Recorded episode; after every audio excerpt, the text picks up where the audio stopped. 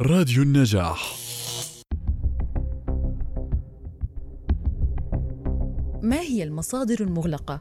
هي الأشخاص أو المؤسسات أو الجهات التي تتوافر لديها معلومات أو بيانات أو وثائق ليست منشورة علناً وعادة ما يصعب الوصول إلى المعلومات من خلالها نظرا لتحفظها على الحديث مع الصحافة أو عدم رغبتها بالإفصاح عن المعلومات أو تقييدها بقوانين وإجراءات تعيق وصول المعلومات إلى الناس. ونأتي هنا لبعض الطرق التي تمكن الصحفي من الحصول على المعلومات من المصادر المغلقة.